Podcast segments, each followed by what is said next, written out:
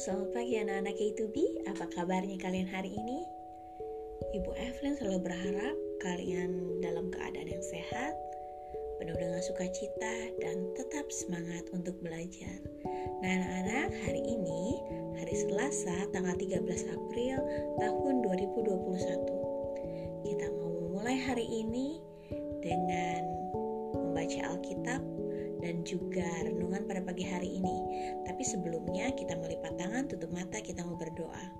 Tuhan Yesus yang baik, terima kasih untuk pagi hari ini.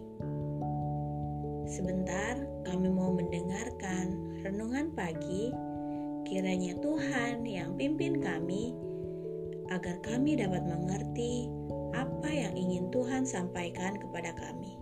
Terima kasih Tuhan Yesus. Amin. Renungan kita pagi ini berjudul Kita Semua Istimewa.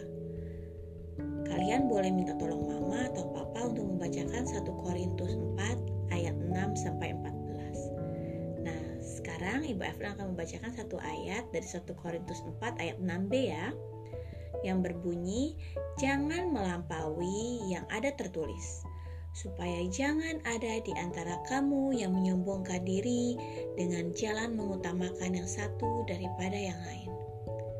Nah, anak-anak, apakah kalian pernah mendengar lagu berjudul Aku Istimewa? Nah, Ibu Evelyn akan membacakan liriknya. Aku istimewa bukan karena kamu. Aku istimewa bukan karena kau puji, bukan karena kuat dan hebatku Aku istimewa, kata Yesus, ku berharga. Nah, Alkitab mengatakan, aku istimewa, kata Yesus. Ku dibeli bukan dengan emas, perak, tapi darah Yesus. Kita semua diciptakan Tuhan istimewa dan berharga.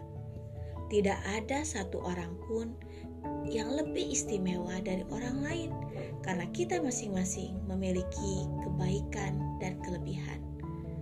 Rasul Paulus, ketika ia melayani orang banyak, ia tidak melakukan seorang diri. Ia melayani bersama Apolos salah satunya. Pada waktu itu, ada orang-orang yang membeda-bedakan dan membandingkan Apolos dan Paulus. Paulus dikatakan lebih baik dari Apolos atau sebaliknya. Paulus pun berkata bahwa tidak ada yang lebih baik atau lebih buruk karena mereka semua punya kebaikannya masing-masing dan sama-sama bekerja untuk Tuhan.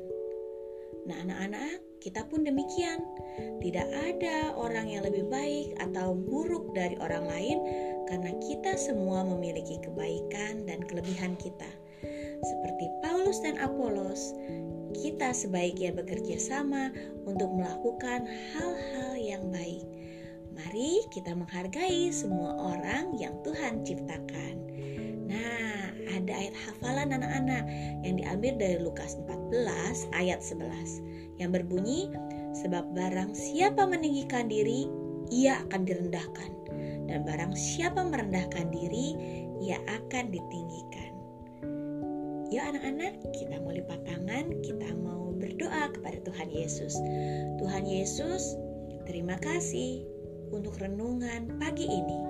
Saya mau menghargai setiap orang karena Tuhan menciptakan kami semua berharga. Tolonglah saya ya Tuhan. Amin.